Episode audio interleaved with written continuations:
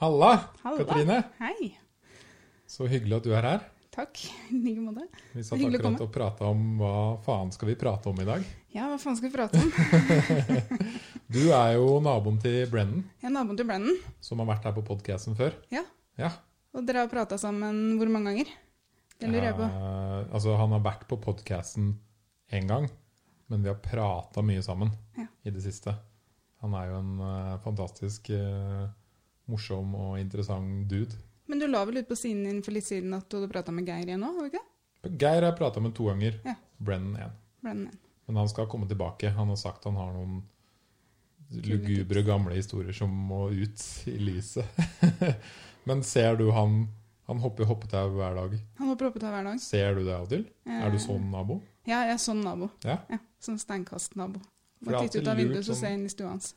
Hva er det man tenker når man ser en dude hoppe hoppetau hver dag på, i hagen sin?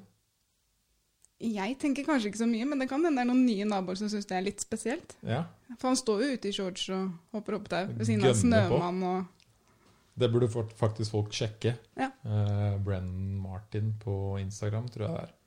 Og se hvordan og han nå For poenget hans er vel etter 100 dager så begynner man å Hvis man går inn for noe i 100 dager, så kommer man til å lære veldig mye, kommer til å mestre ting, kommer til å bli flink. Og nå er han jo helt sinnssykt med hoppetau. Ja, nå er det langt over 100 dager. Ja. Men uh, dusje i kaldt vann i 100 dager, det også var jo en sånn greie de holdt på med. Har du testa noe 100 dager, eller? Nei, jeg har ikke det. Har du lyst til det? Eh, det, det juryen har ikke bestemt det ennå. juryen har ikke bestemt, nei. Men det er klart at han, eh, han har mye å fortelle om innen coaching, og det hjelper jo mange. Ja. Um, For du driver også med coaching nå. jeg driver også med coaching nå. Men jeg er under utdannelse ennå, så jeg er snart ferdig. Hva betyr eh, under utdannelse når du Um, coaches? Er det da at du har en master coach, eller går man på skole, eller hva gjør man? Jeg går på skole. Mm. Mm. Så jeg har valgt å gå inn i coachteam. Men uh, som sagt, Brennan er jo naboen og A-Circle, og de mener er bare å gå ut og hjelpe folk, så er man coach. Ja. Mm. Ja, for det er eh, Jeg har møtt mange forskjellige coaches. Ja. Mentale, fysiske, holistiske, healer-coacher, alt mulig. Er Business-coacher, ja, for det er jo ikke en beskytta tittel. Så det handler jo egentlig bare om å hjelpe mennesker å dra de fram. ikke sant? Mm. Ja, og det er jo egentlig en veldig eh, god ting, da. At man bestemmer seg for at yes, jeg har lyst til å hjelpe litt mer. Mm. Så tenker jeg at eh, mange trenger egentlig bare å prate om det, og bli hørt. Ja. Så mye skjer bare idet de hører seg selv si ting høyt. Så man er egentlig litt sin egen coach når man snakker. Eh, Eller man er ja, som sin egen terapeut. Ja. Har du begynt å teste det på folka? Ja, det har jeg. Eh, Jeg har eh, faktisk to stykker jeg har fulgt over en lang periode. Så, og så kommer jeg til å kjøre nettkurs nå, da. Men det blir mest relatert til barn. Ja. Mm. For du jobber med kids. Jobber med kids. Mm. Babysvømming i hovedsakelig. Ja. Det er coaching, det òg. For det kommer mange usikre mammaer og pappaer inn hos meg. Ja, det kan jeg tro. Hvor eh, gamle er de kidsa når de drar på svømming? Ja, Seks uker, fire kilo er nedre grense, men vi har det jo gjerne før det også. liten også. er babyen da? Når eh, fire kilo, Ja. ja, da er de eh, så vidt kommet ut. så vidt trøkka ut av, av mamma, og så skal de Så skal jeg trøkke det under vann, igjen. ja. Mm. Er det bare liksom ta babyen og Eh, For meg som instruktør så er det egentlig det fordi de har ligget i vann lenge. Så de vet hva vi Det er mye inntrykk. Men Ja. eh, for en mamma som kommer, så er det ikke bare å trykke det under vann. Da må jeg overtale litt først. Ikke sant? Så du har coacha folk litt der òg? Det handler om å gjøre de trygge. Det handler om å få de trygge. Mm. Mm. Ja, for du snakka om uh, litt før vi begynte at du vil coache barn og foreldre. Og egentlig kanskje foreldre da, som skal bli flinkere foreldre. Nei, jeg tror Nei. Jo, ja. Det er jo så stort. Det er jo greia. Det er et veldig stort eh, tema. Mm. Um, men jeg er veldig opptatt av Eller det jeg tror jeg brenner for, er innenfor skolevesenet og mobbing og det å bygge opp barna. Eh, og at foreldrene kan lære de teknikker på som i utgangspunktet er litt sånn coachende, som de eventuelt Jeg vil påstå at den verden vi er i nå, eller den måten vi oppdrar barn på nå, det kommer vi til å kjøre veldig mange inn i mental helsesektoren når de blir eldre. Hvorfor det? Hvorfor det? Fordi vi redder barna våre litt for fort, og det er litt for høyt press. Ja. Mm. Og vi glemmer hvor, å hvor gamle barn har du, da? Jeg? Ja? Eller har du barn? Jeg har tre. Ja. Så en på ti, en på tolv og en på 18. Ikke sant? Mm. Fordi det jeg snakka litt med en som var her i går, han var sånn derre Han sa han skjønner ikke helt hvordan Det var lettere før internett å forstå liksom mer om hvordan barn funka, hva de dreiv med, og at de var liksom litt mer synkronisert på hva de holdt på med. Nå veit jeg ikke om det er riktig. Han satt bare og, og, og snakka høyt. Eh, mens i dag med internett er det veldig mye mer fragmentert, mente han. Tror du det er sånn, eller? Jeg tror at øh, Jeg tror at vi tror vi vet hva barna våre driver med. Men med internett så vet vi ikke hva de driver med. De sitter litt for mye sammen foran den skjermen. Mm. Så hva de får inn av inntrykk, og hva de tror eh, er riktig, tror jeg er vanskelig for de å skille forskjell på. Og før i tiden så vil jeg, var, eller vil jeg påstå at vi var mer ute og så pro eh, progresjonen i ting. Mens nå så ser vi kun et ferdig resultat av vellykkede mennesker. Veldig mye på sosiale medier eller videre, som vi da velger å følge. Mm. Mm. Hvordan er det mobbing funker i dag, da? Vet du det? Jeg- vil jo si, på, basert på egen eh, erfaring, så vil jeg si at skolen ikke klarer å ta tak i mobbing, eller at de kan være dristige nok til å si at de bygger opp under mobbing. De bygger opp under mobbing. Ja, det synes jeg. På hvilken måte da? At læreren har altfor mye å gjøre. Jeg syns synd på de som er lærere i dag. Ja. 30 stykker, 30 unger, opptil 30 unger på én lærer. Noen assistenter. Klarer ikke å følge med, vet du. Klarer ikke å gripe tak. Nei. Nei. Mm. Ja, for det, det begynner jo å bli veldig komplekst med på en måte å ha 30 unger som også har internett, og har masse forskjellige bobler de lever i. Og jeg regner med at mange, mye av mobbingen også skjer på internett. Ja, det gjør det. Før kunne man jo se det litt bedre, sikkert. Mm. Ja, de fem ungene, de står og mobber den ungen der, som gråter. I dag er ikke det så lett å se. Nei, for før så tok vi de ut av situasjonen, og så tok vi de hjem. Og da var det ingen som var i kontakt med de. Skjønte du forskjellen der? Mm, Mm. Absolutt. Ja. Nå er det meldinger, det er sosiale medier, det er Facebook, det er Snapchat, det er osv. Når er det kids får eh, mobil i dag, da? Ja, når er de får mobil i dag? Første klasse? Første klasse på barneskolen. Ja, vil jeg si. Mm. Mm. Det er jo heller ikke lett å på en måte være foreldre. da. Nei, og det er jo et kontrollbehov de har, eller vi Mm. har. Vi, jeg kan huske at jeg var hjemme som i første klasse, så var jeg hjemme alene. Da hadde vi hustelefon, og Ja, ja. mamma og pappa var på jobb. Sånn var det. Ikke sant? Klarer sjøl. Er foreldra gode nok eksempler, da? Fordi hvis du sier til ungen din nå skal du ikke være så jævlig mye på den telefonen, den må vi legge bort, Mm. og så står man med telefonen sin sjæl. Nei, vi er ikke gode eksempler der. Nei. Nei. For det syns jeg ofte jeg liksom observerer, Mm. eller ser, da. Mm. Ikke sant. Eh, Nå må dere gå og leke, unger. Eh, Ikke med mobilen. gå på lekeplassen, og så sitter man med mobilen samtidig mens man sier det. Mm. Og veldig mye kommer jo av Det eh, Et annet eksempel er jo Jeg tipper at hvis du røyker hele livet eh, foran ungen din, så er sjansen ganske stor for at ungen din også begynner å røyke. Mm. Det er litt samme greia. Ja, det, det tror jeg. Så er det, det er, De er stygge mot hverandre. Det er mye enklere å være stygge bak en skjerm. Det er helt sykt mye lettere. Sykt mye lettere. Og det, det, det Altså, min eh, mellomste hun fikk film lagd opp etter seg med oppfordring om å gå og ta selvmord. Så det er jo Oi, det er ganske heftig.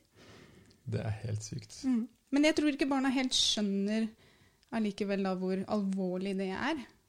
Nei. For det er liksom, ja ja.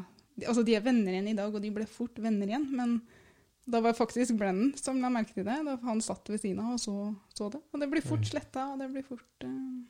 Ja, for det er også Problemet er at det plutselig er borte, og så har de sett det. mm, Og jeg husker internett ble liksom eksploderte en del når jeg gikk når jeg var ung på barneskolen. Og sånn, og da husker jeg vi titta gjennom eh, nettsider som var sånn Jeg husker vi så en halshugging Mm. når jeg kanskje var Jeg gikk i sjette klasse, kanskje. På liksom skole-PC-en som sto midt på skolen. Og det er sånn, det husker jeg enda. Ja, ikke sant? Og min datter som fikk den meldingen, hun er nå tolv. Ja. ja. Så vi snakker jo ikke gamle unger. Nei. Og da er det litt Altså det at de i det hele tatt klarer å finne på å lage en video og hive seg på fem stykker da med oppfordring om at du kan jo bare gå og ta livet ditt. Altså, det er jo helt sykt. Ja, det, og, ikke sant, som du sier, øh, kanskje det ikke gikk, så utover datteren din, men det kunne jo vært en annen datter det gikk veldig utover. Absolutt. Det er det som er helt noia inn i alt det der. Og det rare i det her, at dette her var barn som har søsken som har opplevd det samme, som var like vondt for dem, allikevel så går de og gjør det mot noen andre. Så jeg tror eh, vi er litt eh, bortskjemt. Tror vi er opplyste som foreldre. Tror at barna forteller oss alt, men jeg vil påstå at der tar vi grundig feil. Hvordan er det man kan bli bedre på det? Være mer interessert. Mm. Og det er en Det handler jo da om å legge bort en telefon sjøl, da. Og være litt Mm. sammen med de. Ja. Og åpne opp for, å, for at de kan fortelle. Hvordan Ja, ikke sant? Men eh, det er jo lett å si, da. Hvordan er du mer interessert? Hvordan jeg er mer interessert. Ehm, spørre flere HV-spørsmål. Det, det er jo en greie. Også ikke legge egne meninger inn i hva barna svarer. Mm. Hvis de kommer hjem og er lei seg, og de det er jo ikke gitt at de har lyst til å utlevere alt for det, men det er veldig lett å spørre ledende spørsmål, da. Ehm, Ja, det var feil, og du bør da gå og gjøre sånn, sånn, sånn, sånn, sånn eller sånn, eller Mm. Og så blir vi gjerne litt oppgitt over at de ikke følger oss. Så Men jeg, altså, gutta mine er jo sånn. Jeg kan jo spørre de når de kommer fra skolen. Det, hva gjorde du på skolen i dag? Fotball. Ja, var det gøy? Ja. Ferdig. Okay. Så jeg tror meg, min mor har jo tre gutter. Mm. Så hun har opplevd mye av det livet, tror jeg. Mhm. Var det det bra? Yes. Mhm. Hva har du gjort i dag? Chilla. Ja. Ok, hva skal du nå? Game. Ferdig. Slutt å mase, mutter'n! Jeg lærte mye av min eldste sønn der, som, fordi han, har AD, han fikk tidlig ADHD. Og i utgangspunktet ganske introvert og ikke mange venner. Eh, Men han har jo trivdes i seg sjøl. Ja. Men jeg har oppdratt med det Altså Nå er jo han 18, og den gangen så var jo spilling Det, var liksom, det ble du avhengig av. Mm. Og det var ikke Det var liksom ikke så Det er ikke noe man gjør. altså det det skulle man begrense, og ikke for mye foran skjerm. og det, Som du sier, da, er litt sånn farlig. Men det, på en annen side så har det vært hans nettverk. Og der var jeg sånn at jeg er ikke interessert, for jeg skal ikke ha noe med det å gjøre. Men øh, det var feil jeg tok også der, da. Sitte Mm. sammen med han og spille og være mer aktiv. Det har hjulpet veldig. Ja, for det hørte jeg min tidligere sjef, øh, som bodde i et litt sånn privilegert strøk. Og der hadde liksom noen av foreldrene gått sammen mot skolen for å banne noen spill. Ja. Som bare, det skulle ikke være lov blant noen av kidsa våre. Og så spurte hun i det møtet har dere prøvd spillet selv. Mm. Nei, det har vi ikke. Nei, ikke sant? Men vi har jo sett noen videoer, Ja. og de skyter jo. og så sa hun ja, men vi har jo sittet masse med, eller i hvert fall far, da, har jo sittet masse med sønnen for å prøve å forstå hva dette spillet faktisk er. Mm. Og det er jo mer enn bare skyting. De sitter og chatter og snakker sammen, og de lærer engelsk, og de lærer å skrive fort, og hele den pakka der. Ja, absolutt. Og og det hjelper sannsynligvis ikke å prøve å stoppe det. Nei, hvis jeg hadde stoppa min 18-åring, så tror jeg han ja, Da hadde han ikke vært lykkelig i dag. For det er nettverket hans nå. Det er der han også møter venner. Mm. Ikke på skoleveien eller i, i Når han gikk på skolen, da. Basert også da selvfølgelig på visse interesser og de problemene han har. Så det har jo redda han. Mm. Mm. Gaming er jo blitt noe helt annet nå enn det var før. Det er absolutt. Ja. Ja. Så oppfordringen oppfordring til foreldre der er jo selvfølgelig å være interessert og bli med, sette seg ned og spille og virkelig finne ut av hva det er. For det er mye kule spill. Ja, ikke sant? Ja, det er, Ja. og det, det er ikke sånn som alle tror at det er skyting og blod og spruting. Og, og er det òg. Det, og, det er det Og òg. mye annet. Og mye annet. Men, men på lik linje, hvis du da setter deg ned og er interessert og er med de på det nivået de er, der de, det de liker å gjøre, så kommer det mye nyttig ut av disse barna. Mm. Mm. Ja, vi har sittet og fundert litt over det, meg og vennegjengen som jeg vokste opp med. Vi var jo halvparten eh, veldig glad i å game. Og det ga oss noen sånn, vil jeg si, veldig store internettskills. Fordi vi lærte oss at du skulle, man kunne både spille og chatte og snakke og google ting Mhm. samtidig. Ja, ja. Og det er en skill jeg er glad for at jeg har i dag. For hvis jeg sitter i et møte, så går det liksom sånn Det kan gå helt automatisk. ja, ja, ja. Ja, ja, Ta notater og Absolutt. Det er mye jeg har lært av det. Det er mye tid jeg har brukt på det. Jeg kan ikke måle meg opp mot min unge. Nei. Jeg har sittet og sett på noen kombinasjoner han gjør der, og jeg tenker at mulig. Nei da, nei da. Så, men, men jeg tenker jo det at eh, så lenge vi er mer interessert og åpner opp for at de kan prate, uten at det er vi har lagt føringer for hva som er rett og galt, så det er klart at vi skal jo være gode eksempler, og der tror jeg vi tror jeg vi stryker litt, da, som du sier. Både Mm. det med egen mobil og det å Ja, vi vil prate om det, ja, ikke med deg selvfølgelig, men nytter ikke å true barn med at hvis ikke du er stille i baksetet nå, så setter jeg deg på neste bussholdeplass. Og så gjør du ikke det, så har du kjørt forbi 14 bussholdeplasser og fortsatt ikke satt av den ungen. Altså, det er jo ofte det vi gjør. Mm. Mm. Det, det fører ikke hen noen steder. Nei. Har du satt av ungen din på en bussholdeplass? Nei, jeg har ikke, jeg har ikke trengt det, gudskjelov. Det har jeg ikke trengt. Men ja, jeg jobber med svømming, så de har ja, For meg har det aldri vært et alternativ å la de slippe unna svømming. Svømming har vært viktig for meg at de skal lære. Mm. Det er eh, altså nå, ja, Jeg jobber jo med svømming, så svømming er den sporten i verden du kan dø av ikke svømme, kunne. Ikke sant? Ikke sant? Så, så for meg har det vært viktig. Men når de da ikke har villet svømme, så blir jo ikke jeg sur eller sint eller kjefter på dem. Da, da må de sitte på kanten og se på meg bade og ha det gøy. da. Det er Ja, klart at det tar fem minutter, så har de lyst til å bade igjen. Ja, nettopp. Men jeg kan tvinge de til noe de ikke vil, eller true med å gå i dusjen og dra hjem, men da har jeg bare tapt. Men har liksom foreldre blitt noe sånn blyge, pusete, pinglete gjeng Ja, ja. som ikke tør å gjøre og si fra og sette litt grenser? Nei, de tør å si fra for all del. De sier tør å si fra? Ja, ja, de sier ifra. Um, Hva er det de ikke gjør da?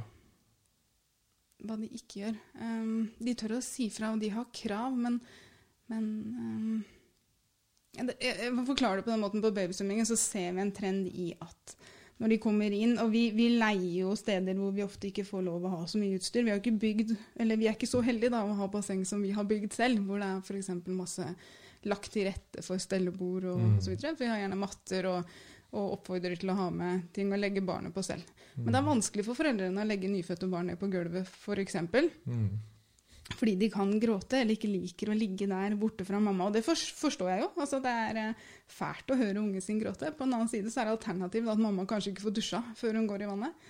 Og det å bade da i møkkete vann, det er et bedre alternativ da, enn å høre på barnet sitt gråte. Ja, Så nettopp. Jeg hørte her om dagen en kompis som har barn. Han hadde prøvd sånn ah, Hva var det han kalte det? Gråtekur. Har du hørt om det? jeg har hørt om det. Hvor du, hvis, uh, hvor du lar ungen din gråte litt lenger hver natt. Mm. Bare sånn den ikke alltid blir vant til å med en gang den gråter, få hjelp. Ja. Og det hadde redda livet deres og nattesøvnen deres. Ja, ja, ja. Og det, er jo, det, er, og det lærer vi opp og ned nå. Altså, Nå er vi jo ekstremt opptatt av det. Vi er jo ekstremt opptatt av at barn ikke skal gråte, og vi skal løpe og ile bort til dem med en gang. Mm. På en annen side så lærer vi jo barna at de ikke klarer å gjøre ting selv. Kanskje de finner ut av en løsning selv. Og det, det må vi lære de. Ja, for det er en sånn fin balanse. Jeg har jo snakka med Geir, tror jeg, når han var her òg. Altså Det er på et eller annet tidspunkt et sted hvor du må tenke sånn Er det nå jeg skal hjelpe, eller er det nå jeg ikke skal hjelpe? Er det nå jeg skal si fram noe, eller burde de finne det ut selv? Mm. Tenk, jeg kan jo være så dristig å si at ok, er det farlig for dem? Driver de med noe, noe som kan skade dem? Eller Mm. til den biten der. Og trenger jeg da å gripe inn med en gang? Kan jeg sitte og lytte? Og kan jeg da lære de til at trenger du hjelp, så må du komme til meg og spørre? Eh, ikke blande meg inn med en gang fordi at jeg veit at jeg kan redde situasjonen, og så blir det bare mer krangling eller ja, Mm. Slipper jeg å krangle med de, da. Ja. Du setter deg på det rommet, og du setter deg på det rommet, ikke prat sammen nå. For et kvarter. Ja, sant. Null toleranse da for mobbing på skolen. Eh, hvor mange år har vi hatt det? Fungerer det? Det er jo Nei.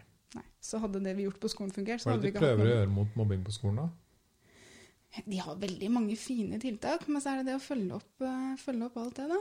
Ta, altså Skolen er jo lagd for alle, for de, jeg, da, for alle de som er innenfor A4. Helt enig. Og de som faller litt utenfor der, de må enten gå inn i den A4-boksen, eller så er de utenfor der. Ja, det er det Det er litt som du sa, da. Sånn hvis du har litt ADHD, eller hvis du er litt utenfor den vanlige gjengen, eller hvis du har litt problem med noe, så havner du litt utenfor den A4-sonen. Så klarer du ikke helt å komme inn der når du kommer på skolen heller. Det er vanskelig å Men var ikke det, sånn, sånn blir jeg trist av. Det er sikkert derfor Ja. jeg syns det er vanskelig eller jobbe med barn. Fordi at eh, det blir folk av dem òg. Ja, det er det jeg Det er mener. Det er poenget mitt. Og da er det kjedelig å gå en hel oppvekst og liksom føle at du ikke passer inn. Mm. Eller bli satt utenfor, eller må ha tiltak bare fordi at voksne mennesker ikke vil lære bort på en litt annen måte. Mm. Så viste det seg at han eldste min hadde jo dysleksi i tillegg til en del ADHD, og da får du jo, blir man litt rastløs, tror jeg, som gutt, når du ikke Ja. helt vet hva du skal gjøre i det klasserommet. Derav, det er mye læring om de bare hadde kunnet gått ut av den pulten litt grann og gjort noe helt annet. Ja, det finner man jo ut, dess, dessverre, etter skolen er ferdig. Mm. Det er bare sånn Å ja, det var egentlig du som var flink til å prate foran 200 mennesker. Og så var det du som var flink til å lage det huset. Og gjøre ting sant, eh, som absolutt ikke jeg klarer, som var veldig skoleflink. da. Sånn ser man jo etter hvert. Men det som er synd, er at det kommer ofte etter skolen. Ja, da, ikke sant det, Altså I praktiske fag som Nå skal han bli elektriker, og han liksom sexy utplassering, sexy fag på ting som han må fysisk gjøre. Og derimot så vidt han står i norsk, ikke sant, fordi han må Mm. skrive. Og det, det betyr jo ikke at han er en dårlig altså Det betyr ikke at han ikke er, blir en god håndverker. Nei, jeg suger på å være håndverker. Så det er liksom det, Alle er ikke ment for å være den A4-rollen som er på skolen. Og så skal jeg være dristig nok til å si at jeg sitter fortsatt her og lurer på hvor, hva jeg skal bruke den nynorsken til som jeg lærte på skolen. jeg har fortsatt ikke fått bruk for den. Du kan lære, du kan forstå det når du av og til er teksta på NRK. da. Ja da, Så forstår du teksten. det er klart. Ja. Wow. Amazing. Ja, det lurer jeg på. Det er noen ting man bare henger seg opp i for å henge seg opp i det. Mm. Jeg tror veldig mange kjenner seg igjen i, seg igjen i det. da. I hvert fall i skolevesenet. Og så er det lett for lærere å si at eh, Eller de som er litt utenfor den A4-boksen eh, Når det kommer en sterk gjeng, og du går bort til læreren og sier fra at dette her er urettferdig, jeg får ikke Eller For det er jo det de sier fra. Si fra til en voksen, si fra til en voksen, si fra til en voksen. Og så samler de gruppa, og så står det da fire-fem andre sterke, kule gutter der som bare overhøvler deg. Og så får de beskjed om å gå videre, og så sier læreren, OK, ikke bry deg. Bare ikke bry deg. Lat som ingenting, ikke bry deg. Og det er der jeg mener at eh, det er jo å bygge opp under mobbing. Det er jo bare å si at eh, ja. jo ikke bry seg. Altså, da sier du at det nytter ikke å komme og si fra. da. Nytter ikke å gå til en voksen. Nei. Nei. Og hvis du gir konsekvenser til de gutta, eller da jentene, så kommer jo foreldra. Ja. ja. For dems barn gjør gjerne ikke sånt, eller ja. Hmm. Det er en kompleks greie, og det å det, Jeg tror det handler, også, som du sier, veldig mye om foreldrene. Da. Og ikke minst det du sa, det å være interessert i hva ungen din sier. Genuint interessert i hva ungen din sier, og stille gode spørsmål. Det kan man også si om å være i et forhold. Absolutt. Jeg tror det er veldig mange som sliter like mye med det. Som på en måte ikke har unger, da, eller har unge og sliter med begge tingene. Fordi de ikke er flinke til å lytte. Mm. Eller stille spørsmål. Mm. Mm. Og, og det, det har de jo testa og bevist også. Um, altså, skryter vi av innsatsen hele tiden, så velger vi jo som voksne ting vi er flinke på å gjøre. Fordi vi må Ja. være flinke. Ikke sant? Mm. Det er, det er veldig Eller de har i hvert fall sett en utvikling der om at eh, at vi blir så opptatt av å være flink. Vi tar de oppgavene vi vet vi kan, og her kan vi gjøre det bra, for da får jeg skryt. Men da går egentlig læringskurven ned. Ja. For da tar jo... vi jo ikke en utfordring. Da lærer vi jo ikke. Det er jo et veldig godt eksempel på det. Hvis du lager en to do-list med 20 punkter og starter dagen, så velger du alle de lette oppgavene. Selvfølgelig. Ja. Selvfølgelig. Og så bare ah, Den dukker jeg. Oh ja, den var lett å ta for lunsj. Oi. Nå fikk jeg tatt søren meg seks av de 20 liksom, bare allerede på to timer. Og så tar du noen etterpå, og så kommer du ned til de der du helst vil dytte over til neste dag. Mange av de blir dytta over til neste uke òg, for den Ja, saks ja, de gjør det. kan prøve å snu det av og til. Mm. Det er veldig smart. Ta Ja. de kjipe oppgavene først. Men det, det, idretten er jo sånn, de òg. Ser jo på resultatene. Ja. Så min yngste er en akkurat nå god, veldig god fotball. Mm. Og vi er ekstremt oppmerksomme på ikke da hele tiden fortelle at så kult at du skårte fem mål. Mm. Mm. Eller skylde på dommeren, for hvis ikke vi hadde vunnet kampen hvis ikke dommeren blåste der og da. Nei, det er ikke det det handler om. Det handler om hva vi gjør, de gjør på banen. Jeg synes den, jeg vet ikke om du har sett den Michael Jordan-dokumentaren på Netflix? Hey. Den er så egentlig sånn veldig fin historie om, som handler mye om det at man Han var jo alltid sykt flink. Mm. Ekstremt egoistisk. Mm. Helt til alle lagene skjønte at hvis vi bare går på han, så er ikke resten av laget noe så særlig noe gode. Så da gjorde de det, og da tapte de jo masse. Mm. Helt til han skjønte at shit, jeg må spille det er teamet som har noe å si. Mm. Jeg må være en teamplayer.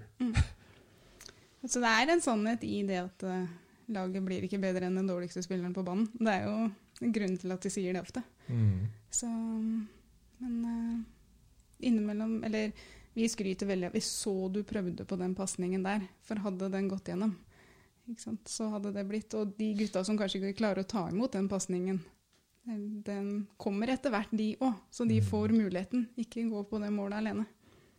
Så det, er- det syns vi er en, et godt tips, da. Å være Se hva de gjør, og hvor de kan utvikle seg videre. Hva med å gi kritikk, da? Er ikke det noe man burde begynne med litt tidlig, sånn at eh, man lærer seg at Altså, voksne er jo sykt dårlige på å få kritikk. Mhm. Det tror jeg kommer an på hvordan man sier det. Det kommer ofte an, men ikke alltid. ass. Jeg har prøvd å sagt det på veldig mange måter, og veldig hyggelig. Dette er for at du skal lære å vokse, og Mhm. det er ment på en veldig god måte. Men eh, På skolen der jeg går nå, så gir vi two stars and a wish, kaller de det. two stars, And a wish. ja. Det vil si at de, vi sier to ting vi syns du er god på. Eh, dette likte jeg med det du gjorde, dette likte jeg med det du gjorde. Og når du til neste gang skal, så så jeg du prøvde på den og den, og hvis du bare gjør sånn og sånn, eller gjør sånn og sånn, så vil ting bli enda bedre. Mm. Så det, sånn gir vi tilbakemeldinger der. Og det har fungert i barneverdenen òg. Det har det, ja. Det har det faktisk. Så når du til neste gang skal. Ja, fordi eh, så, Før eller siden så kommer jo den ungen til å vokse opp og komme ut i businessverden. Oh yeah. Og der er det ikke bare Wish. Der får du av og til høre at eh, du, den presentasjonen for den kunden i dag, den var ganske dårlig. Hva, hva tenker du om det? Ja. Og da går man jo ofte helt i kjelleren. Mm. Eh, Det var faktisk Geir som sa til meg Jeg spurte, Det var når vi snakka sammen Ja. på den online-streamen. Så spurte jeg om tror jeg spurte om hvordan kan man bli bedre på dette med uh, å gi kompli komplimenter og gi kritikk, da, eller wish, eller hva nå vil kalle det. Bare la oss si kritikk nå. Kritikk. Ja. Uh, altså Den eneste måten å gjøre det på, er å gi det mer. For da kommer du også til å få det mer. De har starta et nytt firma. Har du hørt det? Nei. Å krenke.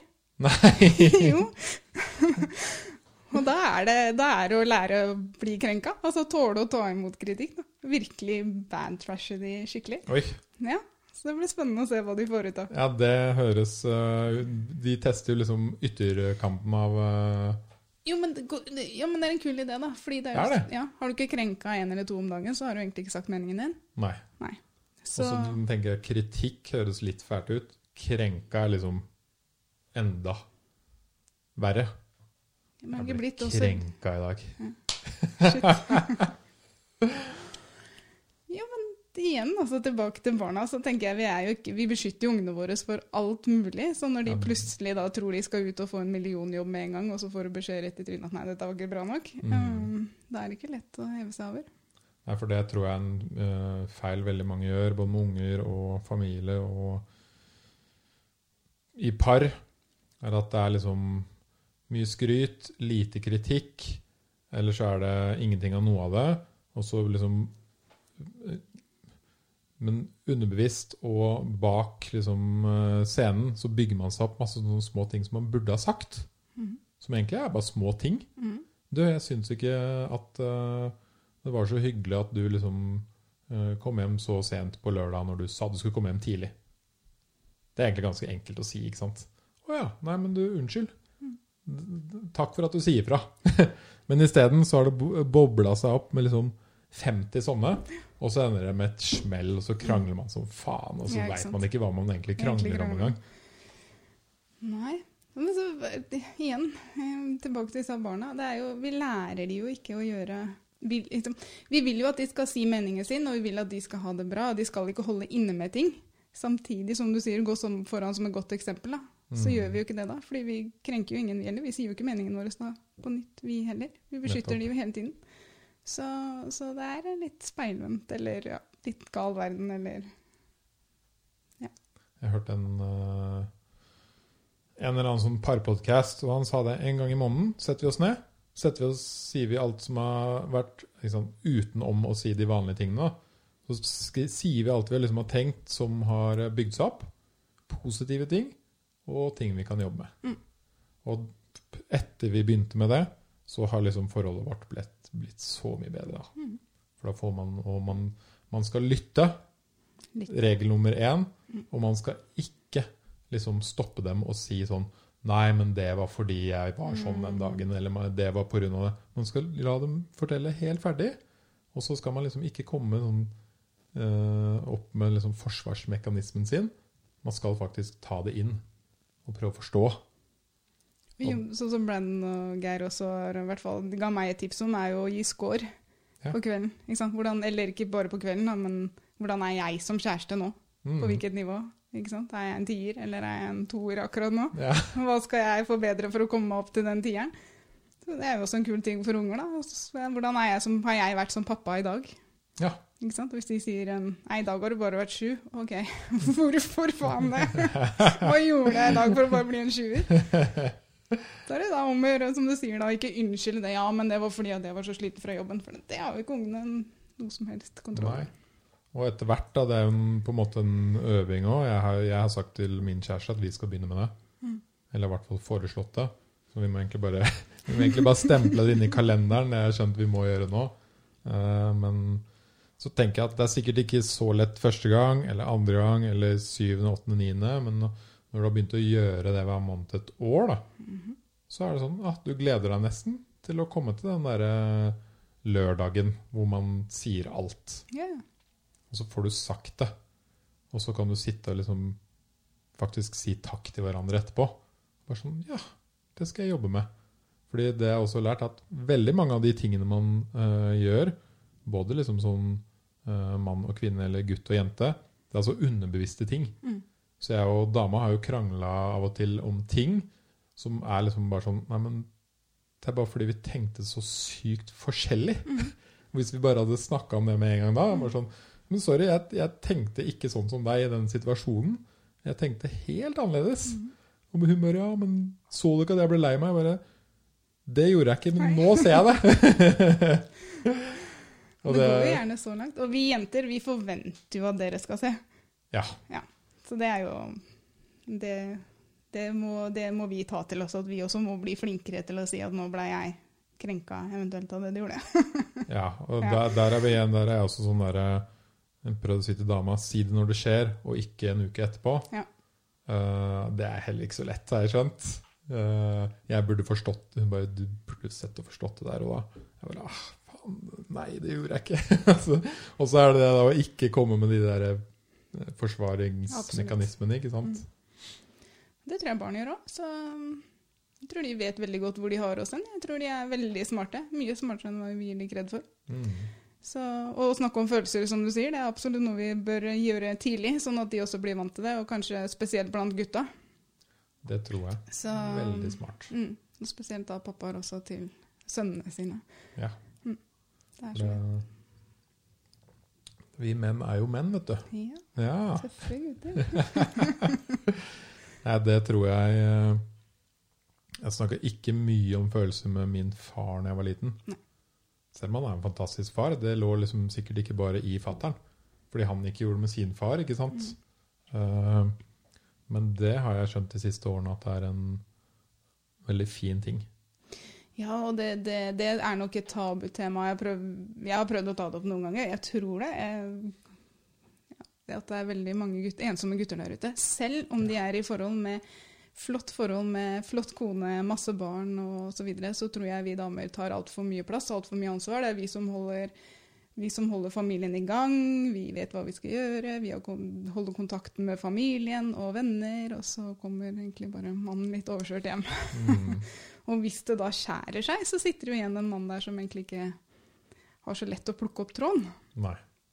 Så du må begynne tidlig å prate om følelser med gutta. Hvordan er dere med å prate om følelser, da? Vi er egentlig ganske flinke, Ja, men det er klart det smeller inn i henne.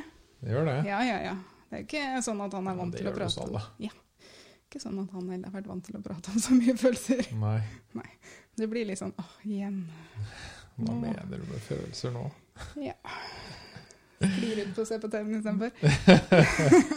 Ja, og så er det også det, da, at uh, Du skal ikke begynne å prate om følelser med en mann når man har vært på fylla dagen før, ikke sant? Eller er sliten. Nei. Selv om man er litt sensitiv da, så er kanskje det det verste tidspunktet å prate om følelser. Ja. Eller, når man faktisk, eller når man har kommet hjem fra jobb da, og er dødssliten, og det har skjedd masse ting. Mm. Det, er sånn, det er kanskje ikke akkurat der og da man burde starte med dette følelsepratinga. Kanskje heller starte på en lørdag hvor ting er greit, og liksom for å begynne, Mhm. for å komme i gang.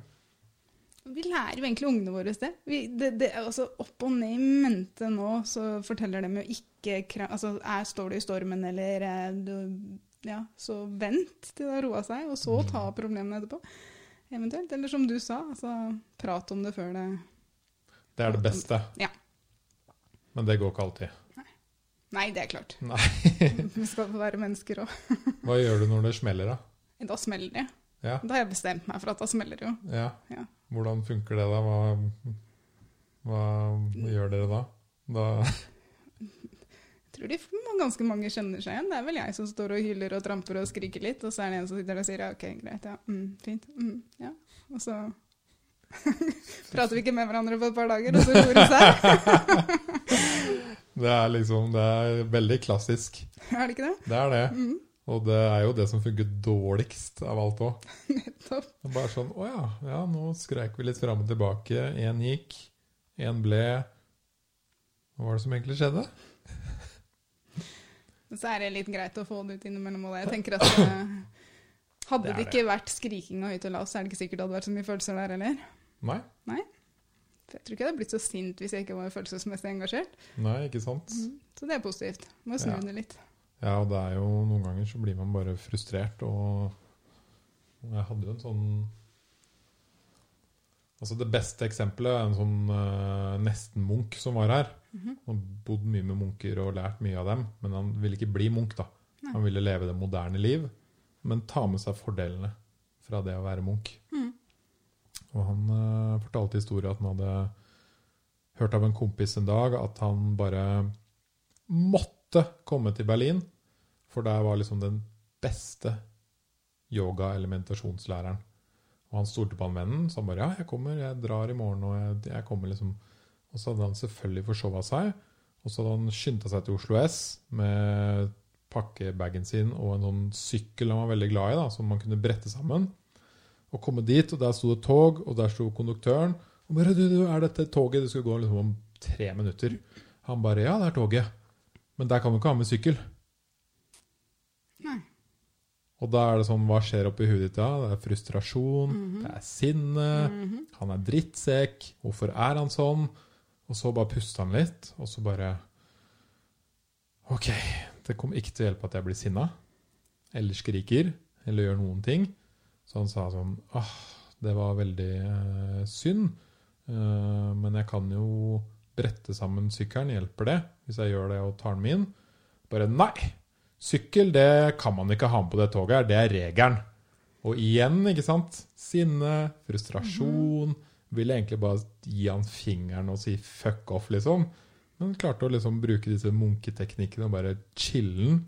Og liksom se han i øynene. Og han sa alt det her skjedde på 40 sekunder eller to minutter. Et eller annet. Jeg husker ikke helt hva han sa, men det skjedde veldig, veldig fort. da. Eh, Men det var alle de følelsene, og alt det man har i krangling, og når det skjer noe sånn, når det eksploderer. Og så han sagt han til slutt, etter han som bare sånn Nei, det var veldig synd, for jeg skulle på kurs i Berlin, men da får jeg bare ta neste tog. Og sett han ordentlig i øynene og liksom vist at han er et menneske. Og så sa han Nei, men du veit hva, det går bra. Ta med den sykkelen din. Gå inn på toget. Ja, det er absolutt. Jeg tror veldig mange har lært av det. det Motsatt også. Det var en annen munk som jeg også har hørt om, som sitter egentlig bare og bestemmer seg for at dette er en gave. Om eh, Hvis noen kjefter på dem eller Mm. gir skyld, og ser på det som er rett og slett en pakke. Skal jeg ta imot den eller ikke? Eh, Kan jeg stoppe den før, eh, før det kommer til meg? Mm. Så da får man pause og tenke seg litt om. Men det er det å ha den roen, da. Det er det. Ja. Klare å tenke annerledes. Jeg syns det er veldig viktige ting å lære bort. For det er, det er så mange følelser i sving, også tidlig, og spesielt kanskje tidlig. Hvis vi går tilbake på barn. ikke sant? At Ja, ja, det vil bli sinne. Og hvorfor er jeg sint nå? Hva er grunnen til at jeg er sint? Eller skal jeg bare eksplodere og sparke fra meg og så komme hjem og få kjeft av mamma og pappa? Smelle i døra. Og... Smelle i døra osv. Ikke sant? Og hvorfor? Det er jo et stort spørsmål barn veldig mange ikke får svar på om dagen. Mm. Hvorfor er jeg på skolen? Hvorfor skal jeg lære det her? Hva skal jeg bruke det til? Hvorfor sier mamma og pappa nei nå? Eller er det bare nei? Eller Mm. hvorfor må jeg gjøre det? Hvorfor må jeg akkurat legge bort sekken akkurat her og nå? Så Ja, fordi når du sier akkurat det der, så er liksom Det typiske eksempelet er en sånn unge som jeg ser for meg. er En sånn unge som sier 'Hvorfor er det sånn?' Og så Mm. sier du noe og sier 'Hvorfor er det sånn?' Så sier du noe. Og det blir Det eksempelet blir oppfatta og vist liksom på TV og film og sånn som noe veldig negativt. da. mm. Noe veldig Det er noen drittungeting å være sånn. ja, ja. Men egentlig vil jo de bare forstå. ja, ja.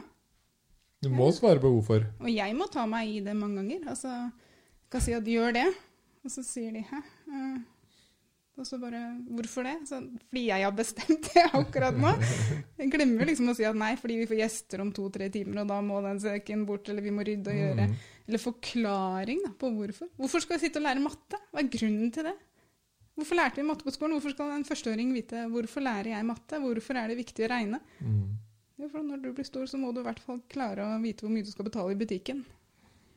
Det er fordel. Fordel. Jo, men det er ikke alle seksåringer som skjønner det. Nei, selvfølgelig ikke. Hvorfor skal jeg lære engelsk? Hva er grunnen til at jeg må lære engelsk? Mm. Jo, de sitter bare der og bare Ja, ok, det er noen som har sagt at jeg må det, men uh, får gjøre som de sier, da. Ja. Men jeg føler veldig mye av det vi snakker om her nå, er jo å coache opp foreldrene. Ja. Det er jo det. Det er jo de som trenger den coachingen for å bli bedre foreldre til å kunne coache sine barn igjen. Til å bli gode personer. Og man kan selvfølgelig coache barna, men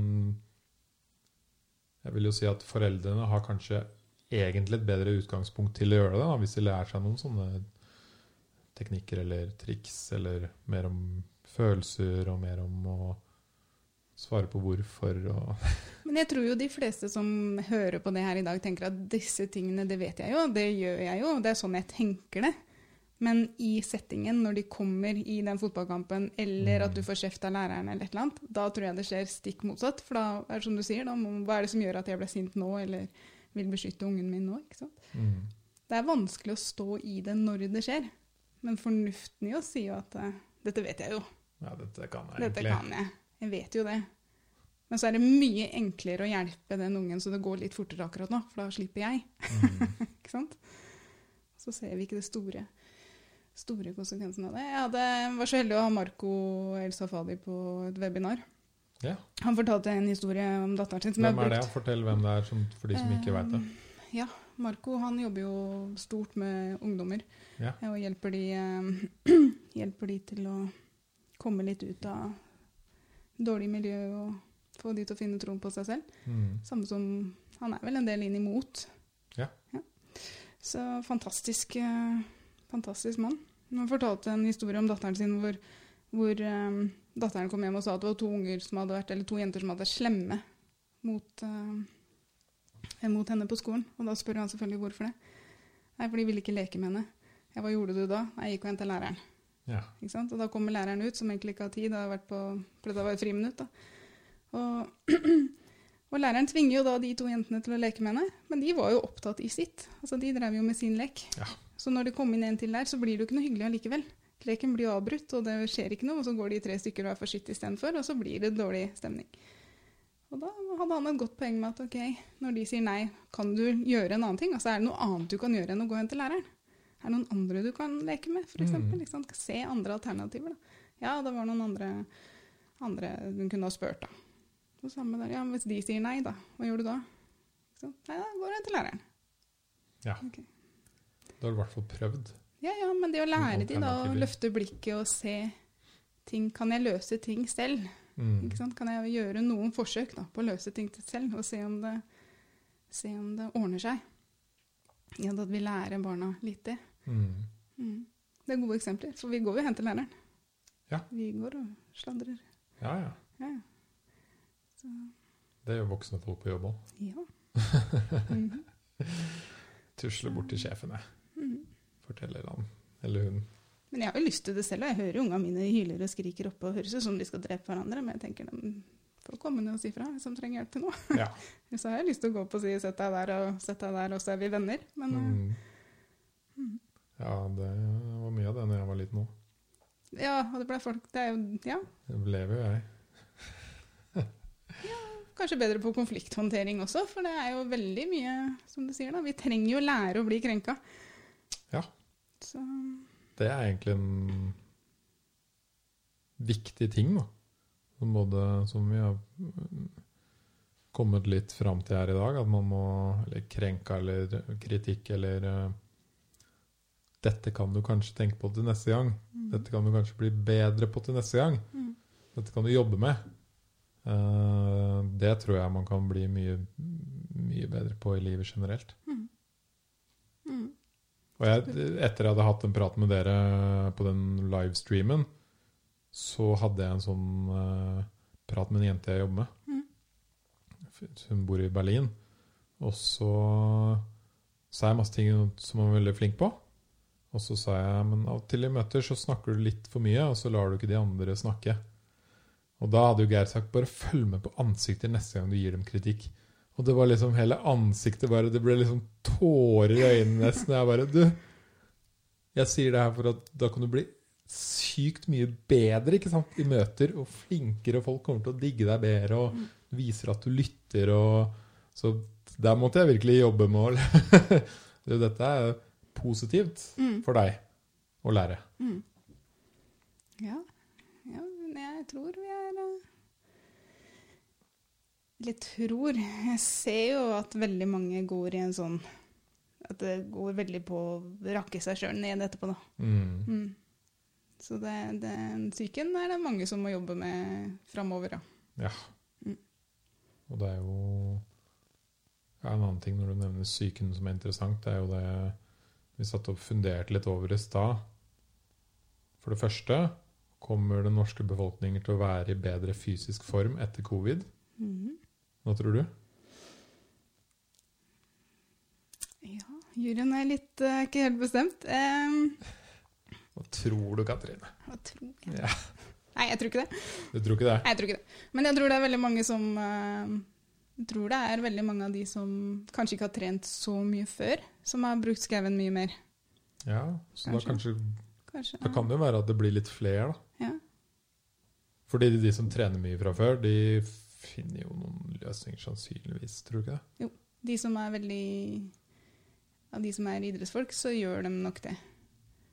Um, Jeg tror sånn bølge én med nedstenging, da var det mange som begynte å trene, og så ga de opp. mm. Nå er de litt mer klare for bølge to, kanskje. Hele Norge trener var jo et veldig fint program under første runde, i hvert fall. Ja. Jeg har ikke sett så mye av det nå. Så Det som har frustrert meg, er at uh, Jeg tror vi gjør mange gode valg, mm. men et, en, dårlig, en ting vi er dårlige på, er å snakke om at vi må ha god helse. Mm. Mentalt og fysisk. Mm. Og, Og det tror jeg henger sammen. Det henger veldig sett tett sammen. Så det å gå den turen, det vil jo være oppfordring til alle. Men så øh, går litt mye inn i eget hode, tror jeg. Altså, det er jo en perfekt mulighet nå til å ringe en venn Mm, som du ikke har snakka med på lenge. ja. Gi et kompliment til noen i butikken. Alle går bak masker og gjemmer seg og ser stygt på deg om du er for nærme, så det er kanskje lurt å prøve å si hei. Det er jo dritvanskelig med det der munnbindet, da. Og se om du smiler eller ikke. Ja. Ja. Nå har jeg fått sånn pinn på jakka hvor det står 'Be a nice human'. Da ser jeg øynene til folk smiler. Ja, men det er jo det. Jeg hører eh, veldig mange ja, det, Vi er flinke til å si det. Å, shit, han som ikke hadde på seg munnbind akkurat der og da. Fokuset er jo bare der.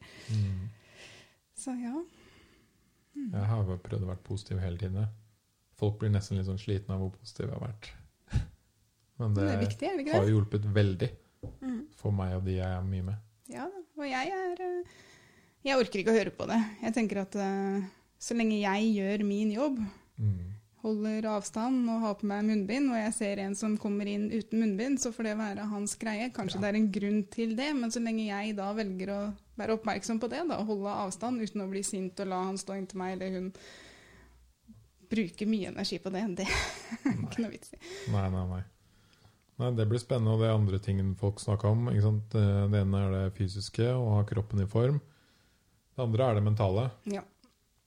Er det veldig mye mer depresjon og ensomhet, eller er det mindre av det? Har folk fått mer tid til å tenke i livet, kanskje? Å ta noen valg? Det er veldig vanskelig å si. Mhm. Det er vanskelig å si. Mm. Jeg tror, eh, jeg tror vi har en jobb å gjøre når dette her er ferdig. Jeg tror det er veldig mange, veldig mange som sitter eh, ensomme hjemme. Det tror jeg òg. Det tror jeg. Så den der å ringe en venn, ringe noen du ikke har prata med på lenge, den blir nok viktig etterpå. Ikke sant? Mm. Har du gjort det? Mm. Ja, det tror jeg jeg har gjort. Ja? Ja. Men ikke ofte nok. Nei. Kunne ha gjort oftere. Blitt mye flinkere. Det skal jeg jo Ringe relativt ofte venner. Men det er det å ringe en par andre venner òg, kanskje. Ja. De du normalt ikke prater med så mye. Mm. Ja. Lenge siden sist. Jeg har ikke snakka med deg siden jeg var 20. Og det er faktisk lov å ta en kaffe. Det er lov. Ja. Mm. Jeg, sa, jeg snakka med noen på jobb her om dagen. De, jeg har ikke vært ute av leiligheten siden januar. Mm. Liksom kun butikken og hjemme. Jeg bare Det er lov å gå seg en tur og ta en kaffe. Brakkesyke. Kan henge i parken litt. Ja. Det er lov å sitte på en kafé. Mm. Så Og vi er heldige her i Norge. ja, det er helt Vi er sinnssykt. eh, ekstremt heldige, så Det er bra. Det er bra noen flere enn meg sier det. Jo, det er jeg jo, men eh, så lenge vi passer på oss selv, så og tar ansvar for eh, det Da tar ansvaret sjøl. Mm. Mm. Nå er det en god tid å øve på det, og prate om følelser og Det er den det pakka der. Ja, kanskje. Men det er jo det. Man er jo mye sammen nå. Ja. Hvis ikke det er litt for mye sammen, så kan det bli litt mye av det. Da kan man i hvert fall si det. Helt Jeg sa jo det til dama. Ja. det er sånn typisk jente-gutt misforstå hverandre-situasjon. Mm. Jeg bare Du, jeg tror jeg skal ta og dra på hytta en uke. Jeg tror det blir veldig eh, fint for oss, siden vi har vært så sykt mye sammen i det siste. Mm. Og jeg mente det som en sånn hyggelig, hyggelig liksom, nå, nå tar vi oss en liten pustepause vi, fordi vi har hatt så bra og vært så mye sammen. Liksom. Det er sunt for oss, tenkte jeg. Det var ikke sånn hun tok det. Kan jeg skjønne. Det var liksom Hæ? Skal vi ta pause fra hverandre? Er det noe, Hva er galt? Seiner med hun akkurat nå. Hvordan, hva faen er det jeg har gjort? Jeg Nei, du har ikke gjort noe. Det, det ble helt sånn fullstendig krasj. Ja, Absolutt. Den kan jeg se. Da hjalp det veldig godt å prate om Ja. hva man egentlig mente. da. Mm. Og liksom forklare det ordentlig. Mm. Men i den generasjonen vi er i nå, så tror jeg det kan være en utfordring å få den kommunikasjonen opp eh, sånn som vi sitter og prater om det nå. Jeg tror vi skal Mm. ha det i bakhodet. Jeg tror veldig mange trenger å bli minnet på det. Mm. Og ta den pustepausen og tenke. Men det er enda viktigere å begynne nå til å lære det tidlig til barna våre. Mm. At det kan løse veldig mye. Mm. Ikke sant? Mm. Ja, for det er noe Jeg har også lest en del om det òg. Det er sunt f.eks. være litt alene av og til. da. Vi er veldig mye sammen nå. Mhm. det er veldig sunt å være litt alene med hodet sitt. Mm -hmm. mm. Jo, jeg merker det, du kan være første til å innrømme det. Jeg prater med veggen hjemme er ikke alltid like, ikke alltid like gøy, så når gubben kommer hjem, så er det jo mye prat. Mm. Og det er sånn, Han er jo i hvert fall ute og jobber, så han tenker åh, slitsomt. Slutt. Jeg sitter hjemme og bare å, vær så snill, prat med meg noen. Ja. Fortell meg noe! Fortell meg noe. Nei da. Så Nei, jeg tror det blir en jobb å gjøre både på psykisk helse og Så tror jeg veldig mange drar, eh, som ikke har trent nå, og som har trent før, kommer seg i treningen. Det gjør de. Det gjør de. Så det er jo positivt hvis de som ikke har trent så mye, har mer tid til å gå i skauen og gjøre ting nå. Mm. Ja, for det er bare å komme seg ut en tur. Tusle ut. Mm. Jeg har Lillåseter, eller Lillomarka, som nærmeste nabo, og turene klokka ni om kvelden, det har vært som regel øde før. Mm. Det har det. Nå så er det masse folk i skauen. Det er det. Ja, jeg møter Ja, mange flere, folk, selv om det er seint. Og folk, så, folk har jo blitt vill, Dette er villmarksåret for Norge, tror jeg. altså. Absolutt. Tror de aldri har solgt like mye hengekøyer og Nei. telt og Og ikke minst hatt nordmenn på feriebesøk. Ja. Mm. Jeg var og besøkte noen i Telemark, og de bare Alt var fullboka i sommer. Ja. Helt, helt aldri vært så mye. Norge er jo fantastisk, så vi bør jo bruke, bruke det mer. Mm. Mm. Det har nok mange folk lagt merke til. Vil jeg tro. Ja. Og jeg har en, ja, en annen en bok som man burde sjekke hvis man vil uh, lære litt mer om kvinner og menn, er Jeg tror den heter 'Hva kvinner vil ha, hva menn vil ha'. Får legge som link på siden din. Det skal jeg gjøre. Ja. Det er to forskere som har skrevet. Det handler for så vidt mest om hva kvinner vil ha. Så alle Den er menn mest må til menn. den. Den er det. For den, jeg bare Å ja. Altså, jeg snakka med en, kompis som anbefalte meg, og snakka med henne om her om dagen. Han bare Nå skjønner jeg hvorfor jeg var så jævlig drittsekk da jeg var 18. Nå skjønner jeg hvorfor hun klikka på meg den gangen der. For det er veldig mange sånne urinstinkter Mm. og forskjeller sånn på hvordan kvinner og menn er, som man eh, ikke vet om og er bevisst på. Og jeg har jo sagt mye av det her til dama. Så vi snakka om «Å, faen, det var derfor du ble så fortvila og stakk, eller ikke sant? Sånn som når jeg sa det med at jeg ville på hytta. Mm. Veldig mange sånne ting. Og hvorfor de har bygd i mange land nå i Europa egne sånne derre Sånn hengesteder for menn på shoppingsentrene. Oi, jeg har ikke fått med den engang. Nei. Men det- Ja. Fordi det, det er ikke noe sånn at menn ikke liker å shoppe fordi de bare ikke liker det. Det henger igjen med når vi var uh, hunter-gatherers. Så skulle menn ut og jakte på dyr. De skulle jakte på ett bytte, og det var veldig fokusert. Kvinner skulle mest gå rundt og lete etter sopp og grønnsaker og liksom ting man kunne spise. Det betyr at de måtte huske veldig mye ting. De måtte huske veldig mye farger. Og de var så glad i å pynte hjemme. Mm. Og eh, hvis man putter eh, 20 kvinner Nei, hvis man putter 100 kvinner i et rom, og 100 menn i det samme rommet med masse ting, så husker kvinner 20 ting, og så husker menn 7. Mhm. Så vi er veldig forskjellige der. Ja, ja, ja. Og det er sånn der, når man begynner å forstå at de tingene er ikke noe Det er ikke pga. personligheten. Det er pga. rett og slett hvordan kvinner og menn har utvikla seg litt forskjellig. da. Og oppfatter ting, ja. ja, Ja. Absolutt. Det gikk opp for meg etter et Discovery-program, faktisk. Ja, Ja, det var en mann som, mann som fikk eh, Ja, det var bare en skjerm foran seg, stol og en skjerm, med masse uttrykk. mm. Så skulle de analysere. Ikke sant? Er de trist, er de glad, er de sint, er de lei seg? Så fikk de bare opp et ansiktsuttrykk foran. Og så gjorde kvinner det etterpå. Altså Jeg trenger kanskje ikke å fortelle resultatet, men, Jo, si det. Si det. jeg- om de traff på 25% så tar jeg sikkert i. Mens damene de traff liksom på kjempehøyt. De gjorde det. Ja, ja, ja. Så kunne menn komme inn i et rom, som du nettopp sa også, da, hvor det var Mm. dekorert osv., og, så videre, og så gikk de inn i akkurat samme rommet etterpå, hvor de da var tatt bort alt fra sofaen sto liksom ikke der, og de bare Nei, her er det ikke noe forandring. bare Hæ, det er helt likt. Helt likt her. Det bildet er fortsatt kult. Ja. Ja. Så det er klart at det ligger Vi må akseptere, vi må litt akseptere det. Så får vi Mm. jenter bli flinkere til å fortelle hvordan vi vil ha det, uten å la det gå så langt at vi må kjefte på dere.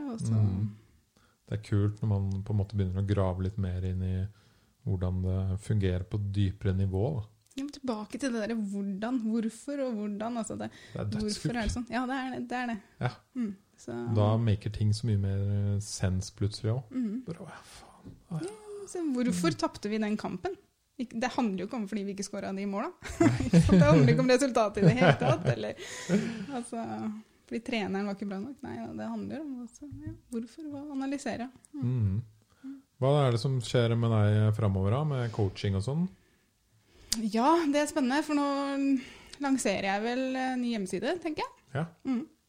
Og så skal jeg fortsette å prate med Geir og Blenden med litt webinarer. Mm. Mm. Så neste webinar håper jeg blir med en som heter Henning. Yes! Nei, Henning. Jo, tror han heter det samme. Ja. Yes! Han sitter i rullestol, Mhm. så Han er eh, vært norgesmester i noe vektløfting og liksom, så Oi. og er PT, så der er det spennende. Jeg skal ikke ta meg helt på navnet akkurat nå, da, men jeg skal få tak i den. Det syns jeg er kult, å kunne sitte i rullestol og allikevel klare å ja, bli norgesmester i vektløfting og være PT og få folk til å dra for seg fra. Det er helt rått. Ja, er, Jeg- eh, Nå fortalte jeg det akkurat i forrige episode, tror jeg, men jeg hørte på en podkast med en kar som var født uten bein og armer. Og armer, ja. Ja. Fra Australia. Ja. Han er helt rå. Han er jo, motiverer jo så mange. Han er, Helt ekstremt. mm. Og den var veldig sterk, den historien. Fordi han prøvde jo å ta livet sitt, men han klarte det ikke. Nei. For det er ikke så lett å ta livet sitt uten armer og bein. ikke sant? Ikke sant? Så det er sånn å endte opp med å bli en, på en måte en veldig kjent speaker og motivator og selge masse bøker. Og i dag har han tre barn og kone. Mm. Så det er sånn OK, hvis du har det litt kjipt i dag, så kan du alltid tenke på at det er faktisk født en dude uten bein og armer som har klart seg bra i livet Mm. og mestra livet. Mm. Da er egentlig alt mulig. Alt er mulig. Mm. Alt er mulig. Så jeg tror mye av tankene vi lager oss, er en del av det vi må snu, da. Ja. Så bare vi har troen på å klare, troen på at dette kan vi lære av, Mm. bruke videre. Feile mer, kanskje. Ja, jeg hadde en, eh, også en kaffe med en venninne i dag, og hun sa det at hun Hun hadde gått så mange år og sagt til seg sjæl at hun hadde dårlig karma. Ja. Mange år. Ja. Da har du dårlig karma, da. Da får du jævlig dårlig karma til slutt. Og det hadde hun jo òg. Ja, ja. Hun følte jo at eh, hun sto opp med feil bein hver dag, og, og at alltid var grått på himmelen. Og liksom, sånn blir det jo når du går og forteller deg sjæl at det er den du er. Og sånn er vi lagd, altså. Tror jeg Hvis du skal ut og kjøpe deg en ny bil, og du finner ut at ok, jeg tror BMW er eh, tingen for meg, bare sånn for å ta det, så begynner du plutselig å se utrolig mange BMW-er ute på veien. Ja, ikke Ikke sett dem før. Så er det plutselig mange. Så jeg, jeg tror nok det er hvordan vi løfter blikket, ja. Mm. Ja, veldig. Mm. Ja, det har jeg lagt merke til mange ganger i livet. Når man et, et annet eksempel er eh, jeg kom hjem en dag, og så var dama skikkelig, skikkelig lei seg. Og så sa jeg 'hva skjer?' Nei, hun har sett på nyheter i tre timer. Ja. Jeg bare ja, da forstår jeg at du er deprimert. Og så sa jeg Jo, da møtte jeg henne ute. Og så sa jeg nei. Jeg kom hjem først, og så lå hun her og var superdeprimert. Og så sa hun også jeg var ute før i dag. eh, og alle gikk rundt med maske og så skikkelig lei seg og sinna ut. Og Jeg bare Jeg har akkurat gått tur sjæl. Og jeg syns egentlig folk så egentlig For det første gikk ikke alle med maske ut på veien. Det var bare du som hadde sett alle med maske. Mm. Du fokuserer jo på det du vil fokusere på. Mm. Og for det andre så ikke folk så sure og lei seg ut, egentlig. De så helt vanlige og fornøyde ut. Så det er sånn utrolig viktig å tenke på hvordan man kan styre liksom den liksom settingen i hodet, og hvordan uh, realiteten blir litt ettersom du tenker, da. Ja, ikke sant? Og det er så mye å være bevisst på. Mm. Ikke sant? Så, og igjen tilbake til barn. Altså, er det den veien de ser, så er det sånn det blir. Ja. Så, ja, det må være Det er ikke lett å være kid, vet du. nei, nei, nei. Og det er veldig mange som tror det. Altså, vi lærer de jo. Du er født i en familie som ikke er gode på den biten der, vi. Ja. Så du blir ikke god på den biten der, du. Nei da, sånn er det ikke hos oss. Nei. Nei, Tenk deg leve med det. Nei, det er jo oppvokst med at sånn er det ikke hos oss, så vi prøver jo ikke engang. Nei. Så Nei, det blir akkurat samme. Det kan ha store ringvirkninger, akkurat det der. veldig. Nei, Fatter'n var ikke så god i matte, han, så Ja. da blir ikke jeg god i matte. Nei. Nei. Og er mutter'n har ikke så god Hun sier alltid at hun ikke har god eh, veisans. Så det kan jo være at jeg heller ikke har det. Hun kjører aldri byen heller, hun fungerer ikke og Da tar hun T-banen. ja, ikke sant? Nei, altså, vi er oppvokst med masse sånn. Mm. Nei, jeg tror eh, tankesettet er eh, ja, kanskje enda viktigere etter korona. Ja. ja. Å bli bevisst på. Men det er en jævlig god tid nå da, å øve på det. Det er det. Så en del sånne ting som jeg skal inn i et kurs på, eller selge kurs på, da. Mm. Hvor eh, det kan være, er øvelser til barn. Men det er de voksne som må trene på å gjøre det med barna sine. Ja, ja, Så du trener begge to, da, egentlig? Jeg trener begge to. det. Mm. Mm. Jeg syns det høres kjempesmart ut. Ja. Så, um, Og det må jo være også gøy for voksne å forstå litt mer eh, hvordan man kan gjøre ting litt annerledes. Bare liksom nudge seg litt til den siden, og så kan det være at barnet får det litt bedre på den måten, eller lærer litt bedre på den måten. mm. Eh, og kanskje av og til si ifra 'dette var ikke så bra'. Mm. Det kan du jobbe litt med. Mm. Og det er ikke mange barn som er trygge på å si fra. Nei. De holder kjeft, og så bærer de det inni seg. Mm. Så hvis vi klarer å få noen unger til å bli Sånn trygge er på å jævlig mange menn nå. Ja, nettopp. Ja. Kvinner òg. Ja. Men jeg tror uh... Vi drar det gjerne over til litt mer flink pikesyndrom, da. Ja. Så hvis vi eh, går og bærer på noe, så kompenserer vi gjerne med å gjøre noe, eller fremstå vellykka, eller sminke oss mer, eller mm. Ja. den biten der. Ja, og i hvert fall eh, når jeg tenker på menn, så tenker jeg spesielt på følelser. Mm. Vi er eksperter Mm. på liksom åh, riste da, av, så dytter du litt til siden og ser på TV, eller ta en pils, eller liksom åh, gjøre et eller annet som får eh, få bort de greiene der. Vi, vi blir jo ikke ferdig med det hvis ikke vi får ut de følelsene. så den komboen her er ikke spesielt god. Den er ikke det, altså. Er Du det. slipper ikke unna selv om du tar den pilsen og slapper av litt. Den kommer Nei. lell. Ja, det Man håper jo at det kanskje blir litt glemt, og så faen det Nei, da bygger det seg opp. Ja. Det er like greit å få det ut. Nei da. Spennende Kult, da. temaer. Mm, spennende Mm. temaer. Vi trenger å lære det. Mm. Veldig viktige temaer. Mm. Du og Brendan og Geir driver jo en ukentlig, nesten i hvert fall. Nesten, i hvert fall. Mm. Nesten ukentlig livestream Ja. med, hvor dere inviterer inn dødskule folk. Mm. Du har vært der? Jeg har vært der. Ja. Det har, hva slags andre folk har vært der? Du, vi har jo som sagt hatt Marco. Vi har hatt eh, Chris Cook. Jeg vet ikke om du har hørt om han. Han eh, var, eh, kom, kjempa for OL-medalje i svømming i London. Ja. Vi har hatt coachen hans. ja. Så vi har hatt eh, Vibeke fra House of Mad. Vi har, eh, så det er veldig mange kule. Vi har ikke holdt på så lenge, men eh, det er, det er egentlig for å gi litt igjen. Da. Det er for å gi Mm. gratis tips, Mm, mm, uten å forvente noe igjen. ikke sant. Og hvis de har lyst, folk har lyst til å finne det, hvordan kan de se på disse livestreamene? Ja, og nå er det på Facebook, Ja. Så den gruppa heter Help Without Total Reward. Mm. Og det går på engelsk, for det er Ja. mange der inne. Så bare å gå inn på Facebook og søke til gruppa og legge seg til. Så, Og det er typisk på sånn onsdag-torsdag-kvelder, så det er veldig Mm. Det passer nok godt inn i tidsskjemaet til de fleste. til de fleste. Åtte på en torsdag er liksom Så er det mange som syns det er litt skummelt å være med, da, og logge seg på og sitte i bakgrunnen og høre på. Hun tror Ja, ja. de blir spurt, men uh, vi legger det nå ut etterpå, da. Kan Ja. gå inn på YouTube også. Ligger Jeg anbefaler alle å sjekke ut det. Help without thought of reward. mm. Og din nettside, som er katrineskovli.no. Ja, Mhm. kult. Eller Hero Minds, som det etter hvert eh, Hero Minds. Yeah. Det var faktisk veldig fett. Hero Minds, ja. Mm. .no. Mm. Da kommer du rett på kurssiden til barna. Ja, så bra. Mm. Så folk som har eh, kids der ute og kanskje har lyst til å lære noe nytt, da er det bare å sjekke ut. Mm. Bygge litt sterkere relasjoner, kanskje. Mm, Mm. Ikke kanskje, som gjør det. de gjør det. Mm. Så hyggelig at du kom hit i dag. Jeg har lært masse om kids. Jeg har jo ikke det selv. Nei, du har ikke det. Det er bare å Den dag hvor det popper ut en luring, så kan jeg noen triks. Så kommer jeg til deg. For å starte på babysvømming først, da, i hvert fall. Absolutt. Tusen takk for besøket. Kjempehyggelig. Mm. Vi ses nok garantert igjen. Kult. Ja.